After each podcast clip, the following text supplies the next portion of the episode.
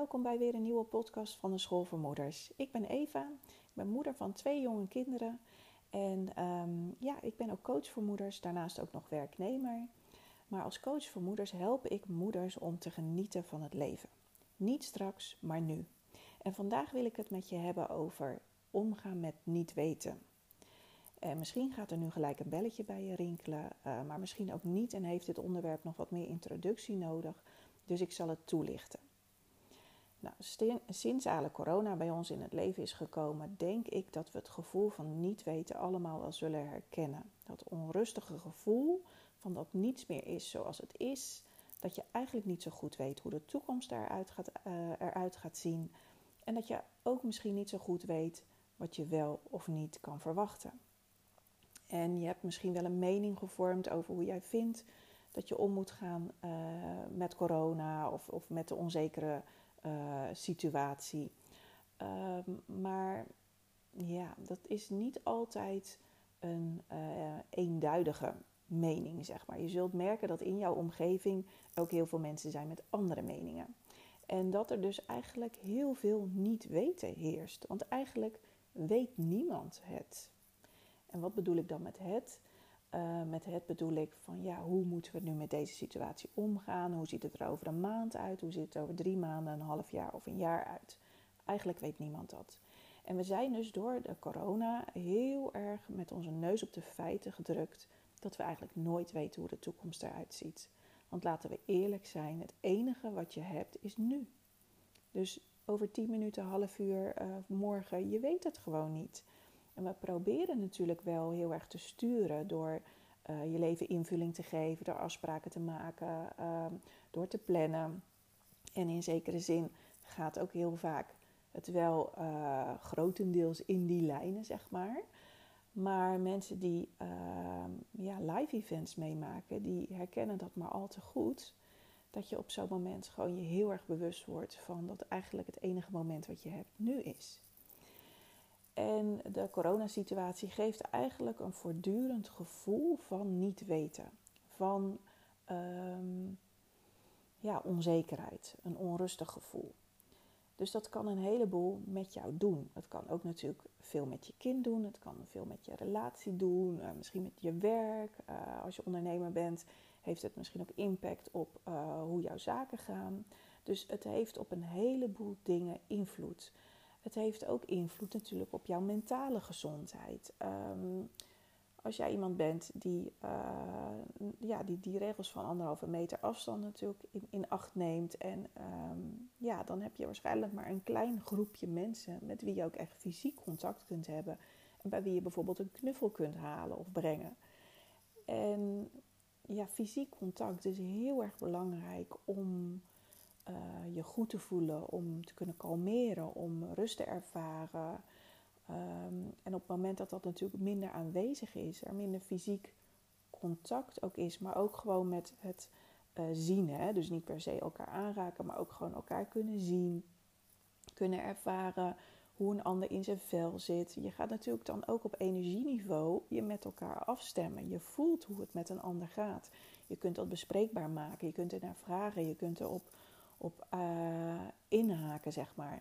En op het moment dat dat fysieke uh, contact of dat, dat live contact niet mogelijk is, dan ja, kun je ervaren dat er gewoon wat meer uh, onrust ontstaat.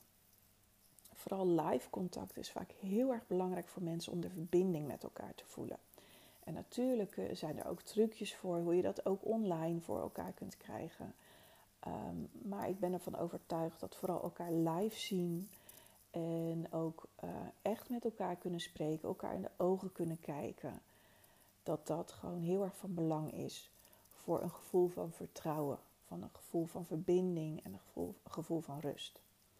Nou, en sinds corona natuurlijk ons leven eigenlijk uh, in meer of mindere mate beïnvloedt, kun je dus misschien herkennen dat er een gevoel is van niet weten. Maar het kan ook zijn dat je dat bijvoorbeeld herkent van dingen in je loopbaan. Dat je het gewoon soms ook daarin even niet weet. Of dat je bijvoorbeeld als moeder het gewoon soms even niet weet. Wellicht is er iets met je kind waar je de vinger niet op kan leggen. En wil je dat graag onderzoeken, maar wil je aan de andere kant ook niet daar een label op plakken. Uh, misschien zit je met je partner niet op één lijn daarover. Wellicht zijn er uh, meningen uh, of verschillen in mening over bijvoorbeeld de opvoeding. Of nou ja, eigenlijk kun je allerlei situaties wel bedenken waarin je een gevoel van niet weten ervaart.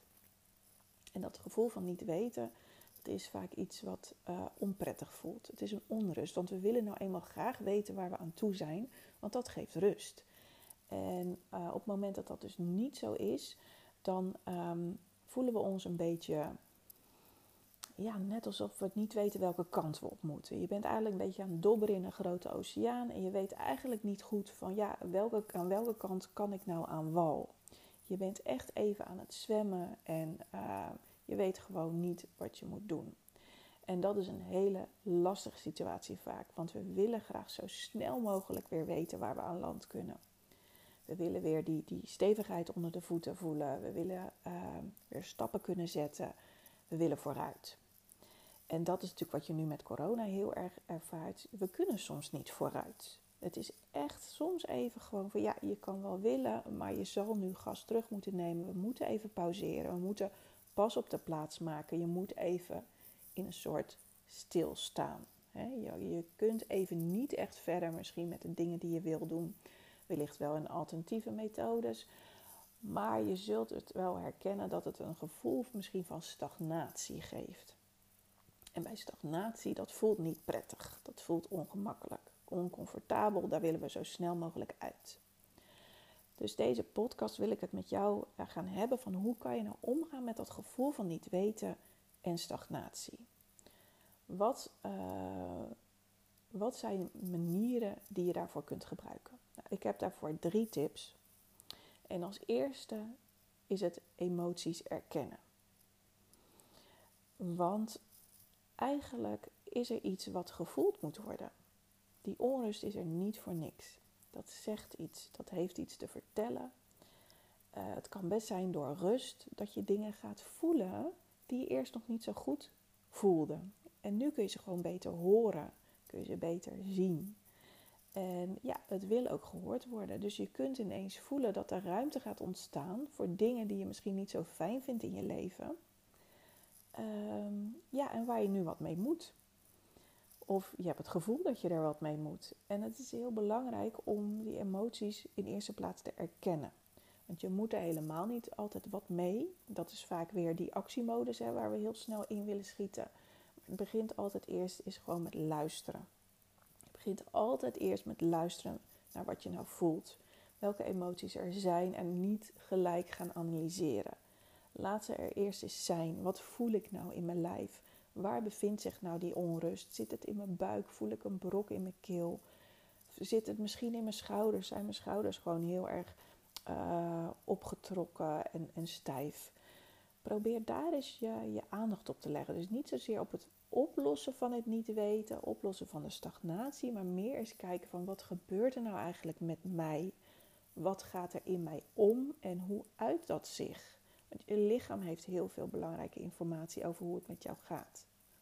Dus de eerste stap is echt erken je emoties. Probeer ze niet uh, gelijk op te lossen, maar laat ze er ook eerst eens even zijn. Onderzoek ze. Je kunt dat natuurlijk um, zelf wel bepalen in welke mate je dat doet. Het kan misschien best wel heftig zijn en dan is het ook goed om natuurlijk niet vol in de emotie in één keer te duiken of om, om dat zonder begeleiding te doen. Als je voelt van nou ik vind dat eng, zoek dan zeker ook gewoon hulp en ga dat samen bijvoorbeeld via je huisarts met een specialist doen uh, die jou daarin kan ondersteunen. Ehm, maar heb je emoties waarvan je het idee hebt van nou dat, dat is prima te doen, die wil ik zelf onderzoeken. Kies dan een moment op waarop je je even kunt afzonderen, waarop je even rustig kunt zitten. En ga eens gewoon kijken van hoe zit ik er nou bij? Wat voel ik in mijn lijf en hoe voelt dat? En probeer niet zozeer te oordelen. Dus uh, benoem in gedachten vooral meer de sensaties die je waarneemt. Of wat je niet waarneemt dus um, je kunt bijvoorbeeld bij, bij pijn in je buik kun je natuurlijk zeggen: ik voel een sensatie in mijn buik. Omdat bij het woord pijn hebben we vaak al een negatief oordeel. Dat willen we niet ervaren. Dus probeer het zo neutraal mogelijk te benoemen. Ik voel een sensatie in mijn buik. Hij wordt wat groter, uh, het wordt sterker of het neemt af. Uh, misschien voel, zie je wel bepaalde kleuren bijvoorbeeld, of trilt het. Of probeer echt daar een beetje in te duiken, in het waarnemen van wat er is. En dat kan bijvoorbeeld ook bij je spieren. Je kunt natuurlijk zeggen van nou, um, mijn nek zit helemaal vast. Het, doet hartstikke zeer tussen mijn schouders. Maar je kunt natuurlijk ook zeggen van ik voel een, uh, een sensatie tussen mijn schouders die heel strak is. Uh, ik kan uh, mijn nek niet zo goed bewegen. Er zit weinig bewegelijkheid in. Dat is allemaal iets neutraler qua oordeel dan pijn. Je mag natuurlijk ook, als het voor jou geen punt is, mag je ook gewoon de pijn benoemen. Maar heel vaak ontstaat er dan een bepaald negatief gevoel en je wilt juist uh, het kunnen observeren zonder dat je er een oordeel aan geeft. Nou, de volgende tip is: neem de tijd. Uh, het is echt nodig om tijd te nemen als je wilt voelen. Zodra je gelijk weer doorgaat in actie, uh, doorknallen, uh, weer een volgende stap nemen, dan is, ben je niet goed in staat om te voelen. Voor voelen heb je rust nodig, heb je tijd nodig. Uh, zul je die stagnatie die er bijvoorbeeld heerst ook echt moeten omarmen. En de derde is vertrouw erop dat het loopt zoals het op dat moment dus ja, loopt. En uh, er is overgave nodig aan het proces waar je dan in zit. Heel vaak denken we dat het een bepaald doel is waar we naartoe moeten streven. Bijvoorbeeld dat het niet weten overgaat naar weten. Of dat die stagnatie weer doorgaat naar van nou het stroomt weer lekker.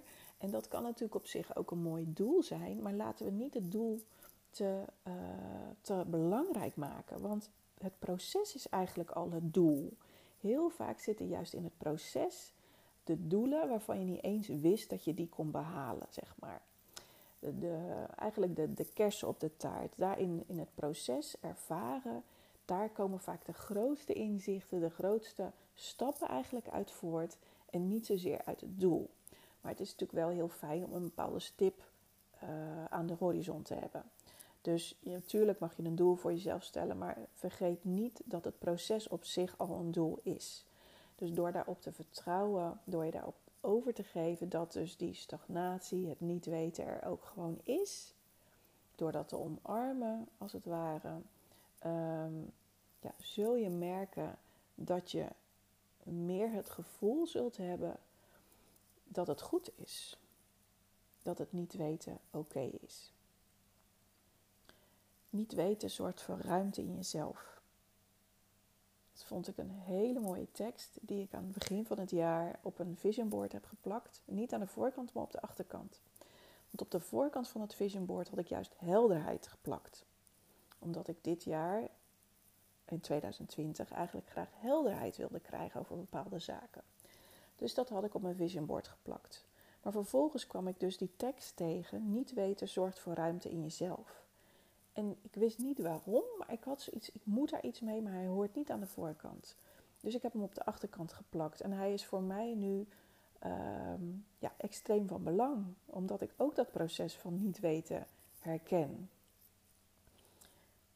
En hij zorgt inderdaad voor ruimte in jezelf. Op het moment dat je het niet weten er laat zijn, op het moment dat je bijvoorbeeld stagnatie er laat zijn, dan ontstaat er ook ruimte in jezelf. Dus dat zijn de drie dingen die ik je wil uh, meegeven. Als eerste erken je emoties. Probeer daarbij niet te oordelen. Neem de tijd. Wat heb je nodig om te voelen? En vertrouw erop op het proces. Op het proces waar je in zit. nou, ik krijg kriebel in mijn keel. Um, dus ik ga het afronden. Ik hoop dat je hier iets aan hebt. Laat het me zeker weten. Je kunt een mail sturen naar eva.schoolvoormoeders.nl of reageer uh, ja, bij de, de podcast bijvoorbeeld als dat mogelijk is. Of via social media.